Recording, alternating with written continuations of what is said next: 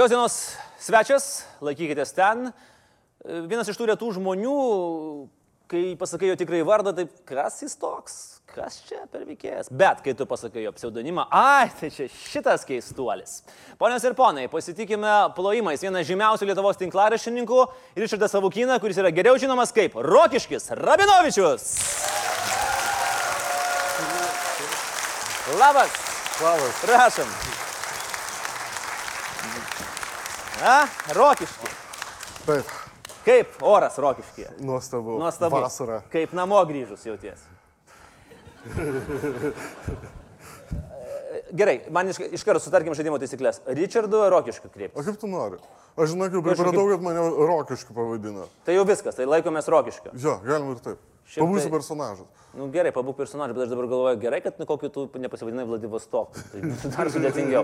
Gerai, bet man iš karto klausimas. Uh, rokiški. Kodėl tamsta Rokiškis? Iš kur atsirado šitas dalykas? Iš tiesų, tai toks pusiau atsitiktinis dalykas gavosi, kad buvo su keliais kolegom vienas didelis projektas, buvo labai daug bandymų, registravomės visokius bandomuosius puslapius įvairiose sistemose, tai yra ir blogų sistemose ir taip toliau. Kodinis pavadinimas to projekto buvo Rokiškis. Kodėl? Nu, Nu, kodėl? tiesiog, vat, kodinis Tai pavadinimas. iš milijono žodžių nesuprastų. Sugalvojot, supranti? a, kad niekas nesuprastų. Ja, kai niekas negali suprasti, tai reiškia viskas labai slapta. Tvarkoju, tai čia kaip jūsų, kaip šitą, kaip Vilniaus rajono savivaldybė, kur prie porno prisėdė, ten buvo. Dar slapčiau. Kietai. Gerai, nu ir ką? Jo. Tai vienas iš akantų užregistruotų buvo Live Journal, ten kur bloga ferma tokia, viena iš senų dabar jau apmirusių. Ir per testus aš ten parašiau vieną kitą, ten kažkokį straipsnelį, atėjo vienas kitas žmogus, pradėjo komentuoti, aš pradėjau bendrauti, tada dar vieną kitą, dar vieną kitą, bendraujam, bendraujam ir pasirodo įdomu, įdomi publika renkasi. Mhm. Žodžiu, gausi rokiškas. Paskui prireikė kažkokį tai paveiksliuką uždėti. Taip? Taip. Nu, kaip užsideda žmonės paveiksliukus. Nu, Ar savo, o, tai savo nuotraukas užsideda. Taip. Jo, tenai tais laikais, nu, niekas nežiūrėdavo, žmogus tikras, netikras, live journalas, internetai, visi anonimai? Mhm. Susiradau paveiksliuką iš internetų, su žirkienu uždėjau, gausi rokiškis žirkienas. Kiek jums metų tada buvo? Neatsimenu, Nu, jums, da, o dabar kiek jums? neatsimenu. Nu, aš jums spėjau dabar apie 50, tai tada turėjo būti koks 3-5, tai matosi jau tikrai su- subrendęs buvo tokiems sprendimams. Taip. Nes šiaip tai paprastai, kai tau 13 būna, tu dėdėsi paveiksliukus su žiūrkienu. Ir Tai aš turbūt ir dabar nesu brendęs. aš matau. Taip. Žiūrėkit, aš galiu kažką prajuokinti. Aš jums pirštą rodo, juokinga, ne? Wow, viskas, Hebra, visą gerą, aš būsiu komikas nuo šiol. Gerai, e, surimtėkime. surimtėkime. Tai gerai, atsirado rogiškis žiūrkienas. Nu, Jo, paskui prireikė pavardės. taip. Mano vienam darbė pravardė buvo Rabinovičius. Kodėl? Nežinau, kodėl. Nežinau kodėl. Sakydavo, kodėl? Labai, labai Kaži, kodėl? gudrus. Ir sakydavo, Rabinovičius. Nes tokie veido brožiai įdomus jūs. Gerai, atsirado Rogiškis Rabinovičius Žiūrkienas. Tada dar jums e, davė galvą didybės maniją ir pasivadinot visatos valdovu. Supranti, supranti, kaip? Tau nieko, kad aš tave tuinu? Kaip? Tau nieko, kad aš tave tuinu? Žiūrėsim po laidos, kai sumontuosim. Ne. Žodžiu, kada atsiranda personažas, reikia, kad jisai turėtų charakterį. Mhm. Supranti? Taip. Ir tai yra labai smagu, kada gali pražaisti kažkokius dalykus, kurių pats ne, nu, gyvenime ne, nepražaidė, ar ne? Nu, reikia pažaisti, pavyzdžiui, didybės maniją, pažaisti narcisizmą. Nu, tai yra labai smagu, neškit man pinigus, menki žmogių, žmogiukščiai, ne? Taip. Net ir sloganą turi tokį reklamą. Jo. Puikiai. Galėtumėt būti politikas, nes jie gyvenime tą sako, neškit man pinigus, menki žmogiukščiai. Na, Pavyzdžiui, kaip... Mhm. Ja, o ten yra toksai ma- mažas žirkienas, mm. kuris išpratėjęs, jisai įsivaizduoja, kad visatą valdo jis. Mhm. Ir jisai sako, neškit man viską. Melskitės. Nu, įdomus jūsų hobiai. O gerai, jūs esate buvęs rokiškė iki, šios, iki šios dienos. vieną kartą. Vieną kartą. Taip, šiandien antrą kartą. Kaip rokiškė jums patiko pirmą kartą? Patiko. Patiko? Man labai įstrigo viena pizzerija, peperonį, man atrodo, vadinasi. Ne čia pizzas pavadinimas yra Ne. peperonė. Ar pi- pipirinį, jo.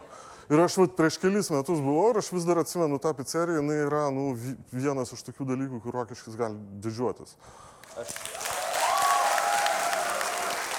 Sekundę, aš savo, dabar aš pardavimų skyrių sakau, pasiskambinkit į pizzeriją, už šitą reklamą paimkit pinigėlių, nu, bent jau pizzų porą paimkit. E, Kiek aš pamenu, man atrodo, aš galėjau klysti, bet žinokit, man atrodo, Rogiškio klubas netgi turėjo futbolo klubą pavadinimu Pipirinė. Kas, buvo toks klubas ar ne? Taip, matai, kaip. Futbolo klubas Pipirinė, nuostabu. Gerai, aš dabar padarysiu jums trumpą testą, kadangi jūs esate Rogiškio žinovas, plus Rogiškis Rabinovičius, aš jums sakysiu faktus apie Rogiškį. Jūs turėsit arba jo žinomus žmonės, jūs turėsit pasakyti true or false. Labai lengva, 50 procentų atspėt. Ir pademonstruoti, pa- pažiūrėsim, ar jūs žinot, nu vis tiek, nu, jeigu tu turi tokį, uh, tokį pseudonimą, nu, tu turi domėtis Rogiškiu, na, natūraliai. Gerai, true or false. Rogiškėje veikia oro uostas. False. True. Iki 85 metų veikia ir buvo skrydžis, uh, reisas Rokiškis Vilnius. Wow. Boeingai skraidė. Jį reikėtų gražinti. Šiaip tai žinau, būtų žiauriai kietai. Turėt skrydį, mes neturim ten e, avialinijų, neturim nieko, bet, bet turim skrydį Vilnius Rokiškis. Tai toksai random visiškai skrydis. Gerai. Uh, Rokiškio meras sako, kad jau išaugęs partinės kelnaitės. True or false? Uh, kad išaugęs kalnaitas. Partinės. Gal ir true. True, taip, teisingai, vienas vienas, jisai pernai išėjo iš Sosdemų partijos ir išeidamas pareiškė, kad išaugo Sosdemų kelnaitės, whatever that means, bet hei, mes nesmerkiam tikrai nieko, kiekvienas turi savų, savų hobių. Uh, Rokiškio herbe yra gitara simbolizuojanti senas muzikinės tradicijas. False. False yra vargonai, kurie simbolizuoja senas muzikinės tradicijas. Gerai, Rokiškio meras turi Tinder programėlę. Spėjo true. Wow! Daug kas turi Tinderį. False. Neturi jis Tinderio. Rokiškio meras turi Find My Friend programėlę, kur visada gali matyti, kur jis yra. True or false? Uh, irgi spėjau. True. True, taip, jis turi tokią programėlę, bent jau gyrėsi prieš metus ir kad bet kada tu gali pažiūrėti, kur jis yra. Kad ten jis yra, ten, ten, ten. Šiaip tai labai keistas dalykas, bet, nu, vėlgi, ei, nesmerkiam. Vienos Rokiškio miesto dalies pavadinimas yra Nupušotas. Kadangi visi juokiasi, turbūt false. Taip, false, aišku, kad false. Teisingas atsakymas yra apušotas. Yra tokia miesto dalis rogiškė. Gerai, kadangi apie pseudonimus pakalbėjom, pakalbėkime apie va, tą blogosferą, apie kurią e, pats jau užsiminėjai. Kaip jinai atsirado, kaip jinai vystėsi. Vat prisiminkim truputėlį praeitį, nes tai buvo labai svarbus Lietuvos internetų, mm, sakykime, laikotarpis. Kada prasidėjo jos užuomasgos, kada įsibėgėjo ir kada nunyko. Šiaip labai sunku pasakyti, kada prasidėjo, nes taip po truputį ir tolygiai prasidėjo. Aš sakyčiau, apie kokius 2005 metus jau buvo ganėtinai įsivažiavę, buvo nemažai blogų. Ir man labai užstrigo iš tų laikų džiugas peršonis, tai yra žmogus, kuris įdėjo milžinišką kiekį darbo ir kitus mokydamas, kas yra blogai, kas yra blogosfera, kaip galima užsiregistruoti blogą, kaip galima kažką padaryti ir suburdamas autorius ir padėdamas jiems išsireklamuoti ir kažkaip tai surasti auditoriją ir panašiai. Tai e, būrėsi, būrėsi žmonės, kurie rašydavo tiesiog kiekvienas apie skirtingus dalykus, kai kurie apie kažkokias specializuotas temas, sakykime, kai kurie apie šiaip gyvenimą. Life Journalas buvo tokia blogo ferma, kuri na, tuo metu jinai buvo labai svarbi. Ten buvo pusiau toks socialinis tinklas, pusiau vieta, kur galima susikurti blogą. Tai yra gali ir bendrauti, ir kažkokių tai draugų susirasti, ir kartu, tarkim, pabloginti, paraši, parašinėti, ar ne? E, Buvo tokių ir keistesnių dalykų. Pavyzdžiui, kada Delfis pradėjo teikti paslaugas, kad užsiregistruoti kiekvienas gali puslapį, mhm.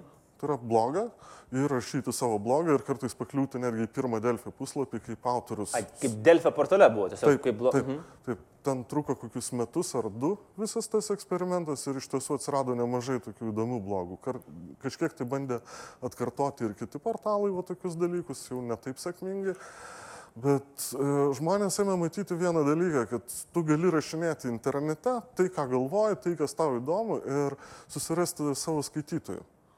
Tai yra, tau nereikia būti žurnalistu, nereikia būti kažkokiu tai moksliuku ar dar kažkuo, tai, o tiesiog susirandi temą, pavyzdžiui, hobį, apie kurį domiesi ir parašai tai, kas tau įdomu. Parašai tiesiog savo mintis. Koks buvo pats, pavyzdžiui, populiariausias ir, arba skandalingiausias, arba daugiausiai reakcijų sukėlęs paties įrašas? Vis tiek tokie dalykai turėtų Aš būti. nežinau, šiaip įsirėžę į atmintį. Pikinis įrašas tai buvo apie tai, kodėl grūna Gedimino kalnas.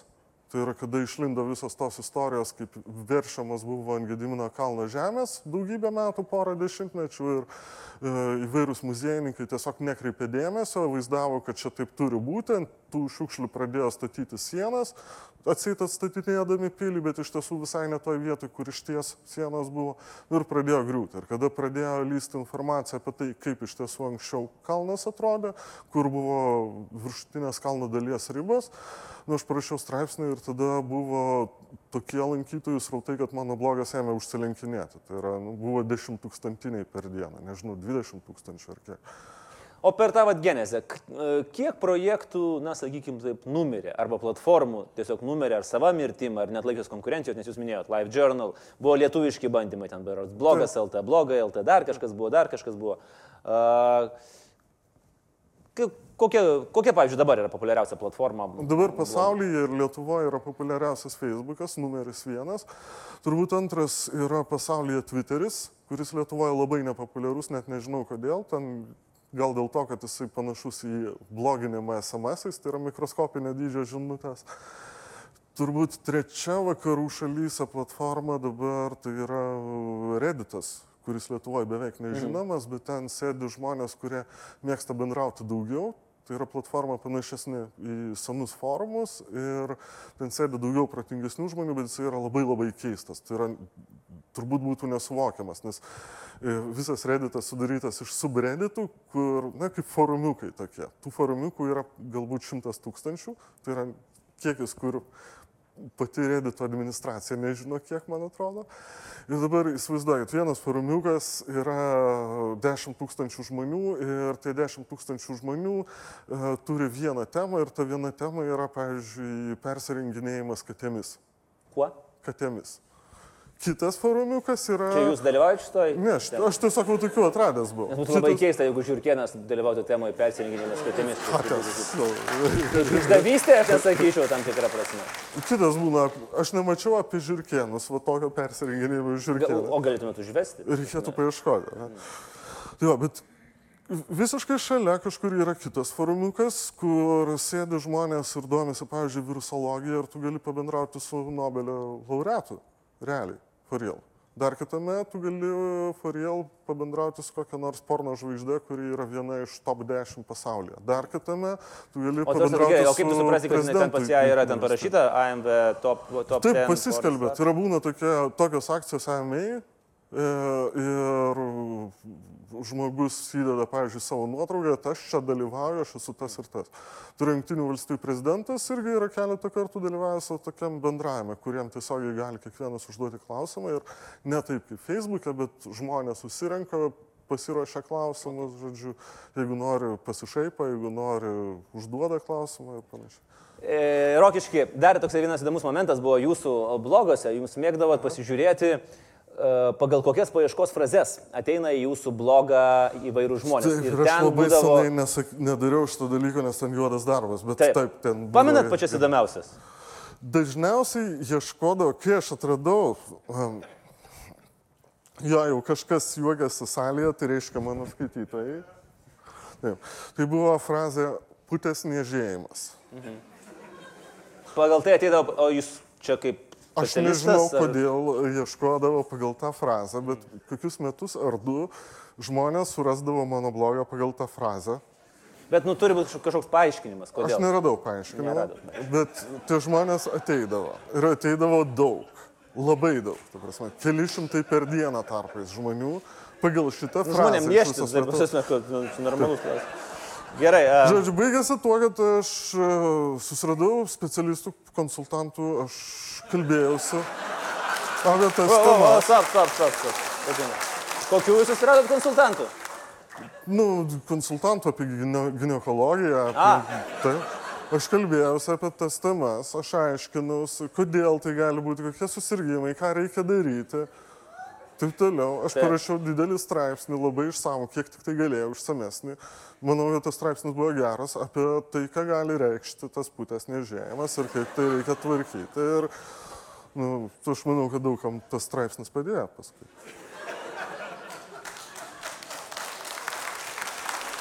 Wow. Jūs esate įdomus žmogus. O ne po to ne, ne, šitą nepagalvot, kad reiktų keisti profesiją, jeigu jau tiek daug sužinojot apie...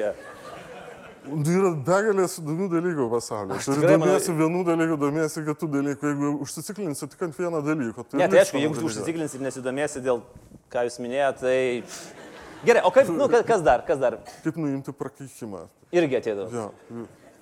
Bet ar tai kažką pasako daugiau apie skaitytojus ar apie jūs, kad pas jūs ateina tokie žmonės? Aš nežinau, tai reiškia, apie skaitytojus, tai aišku, šį bei tą pasako, ko žmonės domisi, taip, bet apie mane, nu, turbūt aš rašau visokiam temam ir kartais parašau ir nesąmonių, ir linksmumų, ir man pačiam smagu, jeigu aš galiu parašyti nesąmonę, ją paskelbti ir paskui žmonės suranda. Yra beje, jūsų toks vienas iš triukų yra su, sukonstruoti tam tikrą labai rimtai atrodančią nesąmonę. Bet tai yra to- fauna. E, Tai yra fake news ir jūs reiktų pasodinti kalėjimą už tai. e, Bet ką? Už už, tai, bebrus? kad, už nesąmonių rašymą. Už tą istoriją apie bebrus. Aš dabar jūs mums ją, man ją, dabar jūs man ją papasakosit, nes aš jos nežinau, bet taip, už tą, būtent už tą istoriją. Papasakokit dabar tą istoriją. Čia buvo dar iki to blogo, kad, nu, tiesiog yra labai įdomu su, sugalvoti kažkokią visišką nesąmonę ir pasižiūrėti, ar atsiras žmonių, kurie patikės. Nu, čia jūs buvo kaip- vi- kaip visiškai šitas- kita istorija. Buvo kita istorija, kur aš parašiau, kad e, senovės lietuviai neturėjo jokių valgių, neturėjo jokių kruopų, jokio nieko ir jie maitindavosi tik tai šakomis ir kankorėžiais. Ir atėjo žmonės, aišku, dauguma suprato, kad čia yra nesąmonė, bet buvo nesupratusių ir patikėjusių, kad čia yra rimtas dalykas. Senovės lietuviai maitinosi kankorėžiais. Tai ir tada jūs tada gerai jautėtės, kad apgavot žmonės. Taip, čia yra labai smagu. Bet kada kankorėžius, kada žmonės tiki, kad senovėje, senovės lietuviai valgė kankorėžius, čia, čia yra smagu. Rokiškai suprantate, kad pagal šitą formulę, kad sugalvoji kažkokią visiškai nesąmonę, žmonės ateina ir patikė, yra įsisteigusios minimum keturios politinės partijos. Tai jūs esate toks kaip jų idėjinis lyderis, jūs esate faktiškai Pakso draugas. Man reikėtų įsikurti partiją, kuri būtų atkurkime kankorėžių valgymą Lietuvoje. Taip. Taip? Privalomi kankorėžiai maista darželiniukams. Tai e, čia nereiktų partijos, jūs galėtumėt būti e, valstiečių frakcijos kokios nors dalis, nes jie ten, man atrodo, į tą pusę ir eina. O šiaip e, jūs turit kažkokių politinių, jūs esate partinis? Ne, Ne. O buvot kada nors? Ne. O būsit? ne. Nebent savo partiją sukursiu. O kokią norėtumėt partiją įkurti? Rokiškio Rabinovičiaus, bepratybės partija, kad būtų smagu. Nu jau tai, tai jau aš matau, pagal pavadinimą būtų smagu tikrai. Uh, gerai, uh, Rokiški, dar kla- klausimas perėsim prie kitos temos, netrukus dar užbaigiant. Apie bebrus nekalbėjau.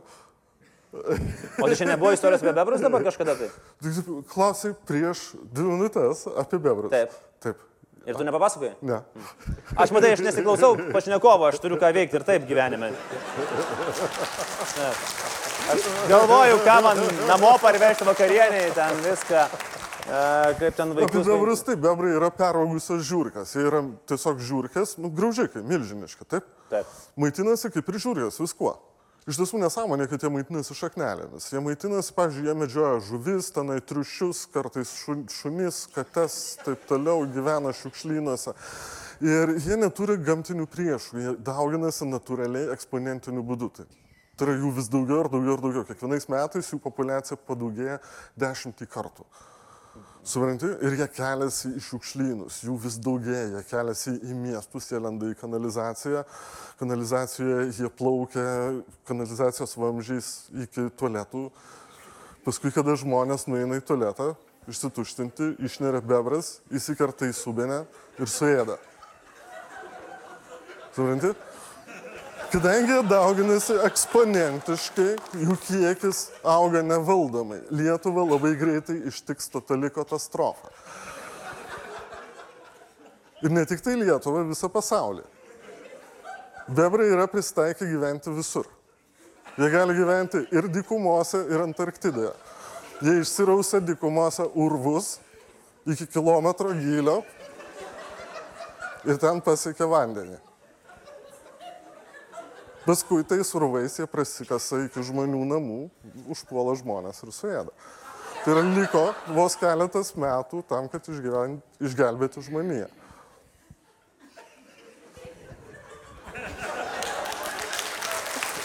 Man labai patinka žmonės, kuriem matosi, kad jiems patiems patinka, ką jie pasakoja. Tai čia yra labai svarbus storytellerio elementas. Gerai, jūs parašėte šitą visą uh, blėnius ir uh, kuo viskas baigėsi? E, Didžiausias įvykis buvo, kada kažkas iš žurnalistų pasigavė šitą istoriją. Svarinė, atėjo a, Artūras Palauskas, berots, aplinkosaugos ministrus Taip. tuo metu. Ir kažkas iš žurnalistų pasigavė šitą istoriją, pradėjo jo klausinėti per nu, spaudos konferenciją apie tai, ką jisai ruošiasi daryti. Jisai pasakė, kovosime ir keisime medžioklės taisyklės, kad... Tai jis iš principo pritarė šitą visą, kad tikrai. Teisingai. Tai į didžiąją politiką. Bet tai aš kaip suprantu, tas e, žurnalistų faktų netikrinimas, jisai ir anksčiau buvo, ir dabar. Dabar tai iš viso automato eitų copy-pastas. e, Nu, pas posto ministrus į- irgi iš tiesų tas taisyklės O tai ką jam daryti? Nu, o ką daryti? Negi dabar tu pradėsi aiškintis, ar yra tas bebras tualete, ar nėra bebras tualete. Gerai, bet e, vėlgi klausimas, jums tai kelia tokį ne, perversinį malonumą. Nu, Taigi yra labai smagu pajuokauti. Na nu, gerai, kai jūs pasodinsit į kalėjimą vieną kartą, tai pasižiūrėsim, kas joksis paskutinis. A, čia jau istorija baigėsi su bebras, taip? Gerai. Iš... Nežinau, ją pratęsi ir išplėsi. Bet čia, žinok, yra rimtas. Aš tik užuodės bebrais domiuosi, tai ten tokia invazinė. ta- Šitie man labiau patinka. Tai. Gerai, e, keliaukim šiek tiek į kitą jūsų užsiemimą. Jūs dar esat e, toksai save pasiskelbęs. Elfas. Tai dabar e, net, arba ne tas nikštukas, matukas, kur Islandijoje gyvena, ir ne tas karžygys tolkinistinis su lankais ir ne legolasas, bet elfas, kuris kariauja prieš trolius, kurie užsima rusišką propagandą. Iš kur šitas atsirado? Ok, čia yra jau rimtesnė tema ir čia turbūt juokauti tiek ne, nesigaus. Esmė yra ta, kad e, jau paskutinius 10-15 metų Rusija skleidžia vis daugiau propagandos. Kai mes pamatėme įvykius Gruzijoje, kada Rusija užpuolė Gruziją, mes pamatėm, kiek plūstelėjo visokių komentarų į visokius portalus, kur tiesiog visiškai užkimždavo komentavimo skiltis. Tai yra straipsnis, pavyzdžiui, apie maisto gaminimą ir atvaro tuntai botų iš Rusijos ir pradeda varyti, kad čia Sakašvilis beprotis, kad Gruzija užpuolė Rusiją ir panašiai ir panašiai. Paskui jame matytis, kad jie jau rezga Lietuvoje kažką, tai, tai yra daro kažkokias grupės. Paskui prasidėjo įvykiai Ukrainoje ir pasimatė, kad labai analogiškos grupės rusiškų trolių kažkokių tai, trolių pačia blogiausia prasme. Nes, nu, anksčiau internete tradiciniam trolis tai reikšdavo žmogų, kuris mėgsta paleisti bairius, ar ne? Per daug prijuokavai, kažkas tai nesuprato, reiškia, trolis. Taip? E, Rusiški troliai, Kremliaus troliai, jie yra kitokie. Tai yra dažniausiai jie yra robotizuoti, kažkokie tai generuojami komentarai, jie atkartojami daugybę kartų arba eina tiesiog pagal kažkokį scenarijų rašinėti kažkokių tai tekstų ir panašiai. Mes pamatėm tiesiog, kad Ukrainoje ta propaganda veikia labai stipriai. Tai yra suveikia ir tokie troliai, ir visokie botai, ir propagandiniai straipsniai. Ir, pavyzdžiui, kai prasidėjo įsiveržimas Rusijos Kryme ir kai Donbase prasidėjo Rusijos įs- įsiveržimas, jie visas šitas propagandinės pajėgas, tūkstančius Facebook'o akantų, tūkstančius kontaktio akantų, visokių internetinių komentavimo ten priemonių, jie panaudojo tam, kad įbaugintų žmonės, jog Ukrainos vyriausybė ruošiasi kažką blogo padaryti, kad ateina iš Kievo fašistai, kurie visus sunaikins ir taip toliau, ir taip toliau. Tai yra visos tos fake melagingos istorijos, kurios buvo skirtos tik tai žmonių bau- bauginimui. Naudodami bauginimą, jie pasiekė to, kad dalis žmonių ėmė priešintis Ukrainos pajėgom, palaikyti kažkokius tai žalius žmogeliukus iš Rusijos. Na ir Rusija tokiu būdu okupavo Krymą. Ukraina nesugebėjo pasipriešinti. Rusija tokiu pat būdu įsiveržė į Donbasą, ar ne? Ukraina irgi nesugebėjo pasipriešinti, tai yra mes pamatėme internete, kad e, tokia propaganda gali atnešti milžinišką žalą. Atrodo, kalbos, kalbos, kalbos, nesąmonės, nesąmonės, kažkokie tai durniai rašinėja apie tai, kaip sovietmečių gyventi buvo geriau ir panašiai. Mm. Paskui visą šitą išvirsta karo įvykiais. Ir tada nusprendėt priešintis. Taip. Tai yra ir aš, ir kažkiek tai kitų žmonių, kurie pastebėjom ir, nu, tu puikiai žinai šitas istorijas, tau nieko, kad aš tu einu tą. Ne, jau, jau vieną kartą jau klausai, vis dar nieko. Okay. Vis dar ok. Tai tiesiog žmonės, kurie matė, kas vyksta, jie ėmė suprasti, kad reikia kažkaip kovoti. Facebook'e yra begalės tų fake accountų, tai yra netikrų accountų, kurie apsimeta žmonėmis. Kartais jie būna labai gerai sukurti. Tai yra kažkada, tai aš atsimenu, buvom radę tokių accountų, kur atrodo kaip tikras žmogus su kažkokia šeima tenai, kažkokios šeimininės nuotraukos ir taip toliau, paieškai internete atrandi, kad tos nuotraukos yra žmogaus, kuris gyvena Latvijoje. Kadangi Latvijoje viskas panašiai, žmonės atrodo panašiai, namai atrodo panašiai, atrodo, nu, lyg žmogus gyvenantis Lietuvoje, pavyzdžiui, kad rokiškai kažkur. Tai, taip, iš tiesų nėra tokio žmogaus toks akantas yra naudojamas tiesiog propagandos skleidimui. Aš suprantu, ir tada jūs bandote juos uždaryti, taip, jūs juos reportinat Facebook'ui ar taip. ne ir sakykite, bet o nėra čia tas vadinamasis e, Sizifo triusas, kai tu rydini rydini akmenį ar ne, lyg ir užrydini, o po to viskas iš naujo. Nes, nu gerai, nu uždarot jūs penkis, nu uždarot. Čia yra viena nu, iš penkiasdešimt. Taip, viena iš tričių. Na, jie susikurs tūkstantį naujų. Esmė yra ta, kad kiekvienas akantas Facebook'e auginasi savo friendų sąrašą, nu, tai yra tų atseit draugų, bet iš tiesų nu, nedraugai, nepažįstami žmonės tiesiog vadinasi. Tai reiškia, nu, nedraugai, o friendai. Jie auginasi savo followerių sąrašą ir taip toliau. Tai yra kiekvienas senas akantas, jisai gali pasiekti šimtus ar tūkstančius realių žmonių. Taip? Jeigu mes jį uždarom, tai reiškia, jisai nepasiekia dėl to juos reikia uždarinėti. Tai yra ryškiausius tuos feikus, kurie naudojami propagandos sklaidai, reikia vis vieną uždarinėti. Net jeigu tas darbas atrodo sizifiškas, iš tiesų pakankamai sistemiškai uždarinėjant tuos feikus, netikrus padirbtų žmonės, galima sumažinti tą propagandos lygį kokius porą kartų. Tai mes tą padarom, porą kartų sumažiname. Tai yra jų iš tiesų uždaromi šimtai tų. Esate skaičiavę, kiek esate uždarę tokių feikinių projektų? Bandėm, bandėm kažkiek tai įvertinti, tai yra peržiūrėti tuos akantus, kurie buvo reportinti, pavyzdžiui, prieš pusmetį metus, kartais jie su gerų uždėlsimų uždaromi. Tai e, per metus pikai būdavo netoli turbūt tūkstančio akantų, nes nu, mėnesiniai kartais pasiekdavo ten šimtą arba daugiau kaip šimtą uždarytų. Tai yra pakankamai daug. O esat gavę kontrasmūgius? Nes, nu, tikrai turbūt ana pusė nesėdi ir sudėjo. Nu, bandydavo, bet, nu, pavyzdžiui, Kremlius paskelbė su saviškiais tenai kažkokį elfų sąrašą, ar ne? Nu, vaikščiojo po kažkokias atviras grupės, kaip atsit super slaptą vietą, ar ne? Nes elfai iš tiesų nesislėpia. Mes darom gerą, teisingą darbą, taip? Mes kovojam prieš priešišką propagandą, taip? Mm. Jie paskelbė sąrašus, rezultatas buvo toks, per vieną dieną atėjo 500 naujų žmonių į vieną iš mūsų grupių, tam, kad prisijungtų prie visos tos kovos, reportinant. 500 žmonių. Nu, tai reiškia, žmonės supranta, kad iš tiesų ta propaganda priešiška ir kad... Nu... Rokiškio nėra taip, kad na, žmonės įsijaučia į tą kovotojo rolę ir kartais pradeda turbūt užsiminėti, na, peržengę, sakykime, tą sveiką protą. Dabar neseniai, man atrodo, buvo atidarytas toks portalas Vatnikas LT ar Vatnika LT, kur ten galėjai registruoti Vatnikus. Nu, maždaug, jeigu žmogus man nepatinka, tai aš jau registruoju. Taip, aš apie tai ir rašiau blogą. Mm. Aš manau, kad jeigu yra peržengiama tam tikra riba, kur pradedi vatnikais vadinti, ką papuola, tai yra didžiulis blogis. Negalima to daryti. Esmė yra, kaip, kaip veikia propaganda. Yra kelios stadijos. Pirmoje stadijoje e, propagandistai ieško visko, ko tik tai įmanoma, kad parodyti, jog žmogui yra blogai. Žmogus priverčiamas jaustis auka. Taip? Žmogus jaučiasi auka, jaučiasi blogai, jam viskas blogai, jaučiasi bejėgis. Tada jam sako, kad kalta dėl visko valdžia, ir kad jisai negali nieko padaryti, nes e, visa valdžia, visa Lietuva, visa valstybė Lietuvos yra skirta tik tai tam, kad jį persekiotų ir priverstų jausti sauką. Taip? Ir tada trečioje stadijoje jam pasakoma, kad vat, e, tarybiniais laikais labai gerai gyvenom, visi buvo laimingi, niekas nieko neuždarinėjo kalėjimus, visa tai yra melas, o iš tiesų visi gaudavo nemokamus būtus, nemokamas mašinas, bulkutės po 3 kapeikas ir taip toliau. Ir vat Putinas tai atkurdinėja, tai palaikykim Putiną. Taip? Mm. Bet esmė ta, kad žmonės pasiduoda propagandai dėl to, kad jie jaučia saukomis. Ir iš tiesų daugybė žmonių gyvena Lietuvoje labai blogai. Mes turime tą problemą, kad daugybė žmonių turi tai per mažas pajamas, tai jie negali susidoroti su biurokratija, tai jie mato, kad kažkokie valdininkai užsiema kažkokiam korupcijam ir panašiai.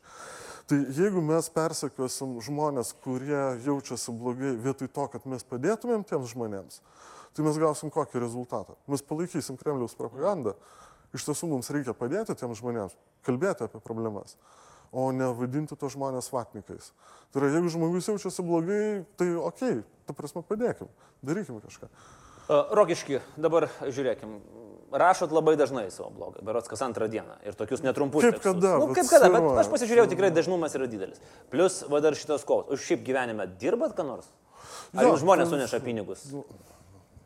Šiaip yra viena mano veikla tokia, gal dabar mažiau aktyvi, aš gal daugiau laiko pradėjau skirti tai propagandai ir dar kažkam tai ir dar kažkam tai ir viskas susivelia, bet šiaip aš prieš krūvą metų ėmiau užsiminėti procesų valdymu, tai yra įmonių tvarkymu, čia nežinau, prieš porą dešimtmečių turbūt, ne, gal truputį mažiau, tai yra tuo, kaip sudėlioti procedūras, biurokratijos taip, kad jos būtų nebiurokratiškos, kad žmonėms būtų dirbti lengviau, kad įmonė visą dirbtų efektyviau, greičiau, kad pinigų įmonė uždirbtų daugiau, kad e, klientai būtų laimingesni, e, darbuotojai būtų laimingesni. Žodžiu, mažiau dirbi, daugiau uždirbi ir klientas labiau patenkintas.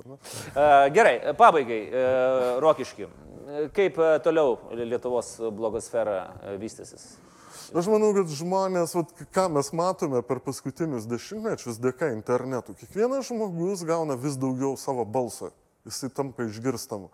Pavyzdžiui, prieš keliolika metų buvo neįmanoma net pagalvoti apie tai, kad tu gali tiesiogiai susirasti kokį nors aukštą politiką ar ministrą ir panašiai kažko tai paklausti, ar ne? Vienas iš pirmų buvo Šimašius, kuris atėjo į internetus ir pradėjo šnekėtis, nu, kaip normalus, paprastas eilinis žmogus. Jisai tuo metu- Zuokas buvo anksti, dar anksčiau. Zuokas buvo irgi vienas iš pirmų, taip, jisai irgi rašė savo blogą ir panašiai, tik tai aš nepastebėjau, kiek jisai taip vat bendrautų. Šimašas atėjo pradžiai į Google, paskui į Facebook ir tiesiog nu, visi susirašydavo, ministras, ministras, bet pradžioje atrodo baisu, bet kai tu matai, kad parašai kaip žmogui, jisai atsako kaip žmogus, viskas ok. Paskui ėmė rastis daugiau, daugiau, daugiau kitų žmonių. Šitaip. Ir mes turime jau kitokią situaciją. Tu gali parašyti ar merui, ar kažkokiam ministrui, ar dar kažkam ir pasidaryti dar savo išvadas. Tai yra, jeigu jisai tau neatsakinėja ir iš principo niekam neatsakinėja ir rašo kažkokias mintis aiškiai ne pats, o kažkas tai sėdi ir tiesiog už jį rašinė, nu, tai gali pasidaryti išvadą, kad jisai tavęs negirdi ir jam galbūt ir neįdomu. Ne? Jeigu tu jam parašai, jisai tau atrašo, galbūt jisai nespėja kiekvienam atrašyti, bet tu matai, kad vienam kitam žmogui atrašo. Tai reiškia žmogus, kuris iš tiesų domisi. Taip? Mes turim įtakas ir mūsų įtakos auga vis labiau ir labiau ir labiau. Sėdėdamas Facebook'e tu gali pasiekti auditoriją, kuri, pavyzdžiui, tūkstančio žmonių. Vat, sėdėsi, rašinėsi kažką, tai po kiek laiko tu turėsi daug friendų, daug sekėjų ir turėsi tūkstančio žmonių auditoriją. Taip? Tūkstantis žmonių auditorija, tai reiškia, kad, pavyzdžiui, kažkokiame nedidelėme mieste tu gali pakliūsti į miesto tarybą, jeigu tūkstantis žmonių tave pripažįsta tame mieste. Tai reiškia, kad kiekvienas žmogus gavo įrankį keisti viską žymiai labiau. Tik reikia mokėti jo naudotis. Reikia tiesiog daryti. Kągi, e, linkiu sėkmės e, toliau blo- blogosferoje, e, rokiški ir savo linkiu sėkmės taip pat skaityti paties tekstus ir suvokti, kada yra tyrimas ir analizė, o kada yra, kaip pats sakot, visiškas bullshit, nes nebus lengva. Ponės ir ponai, Rokiškis Rabinovičius šį vakarą buvo pas mus. Rišardai, ačiū už šį pokalbį. Suvenyras, podelis mums, ačiū.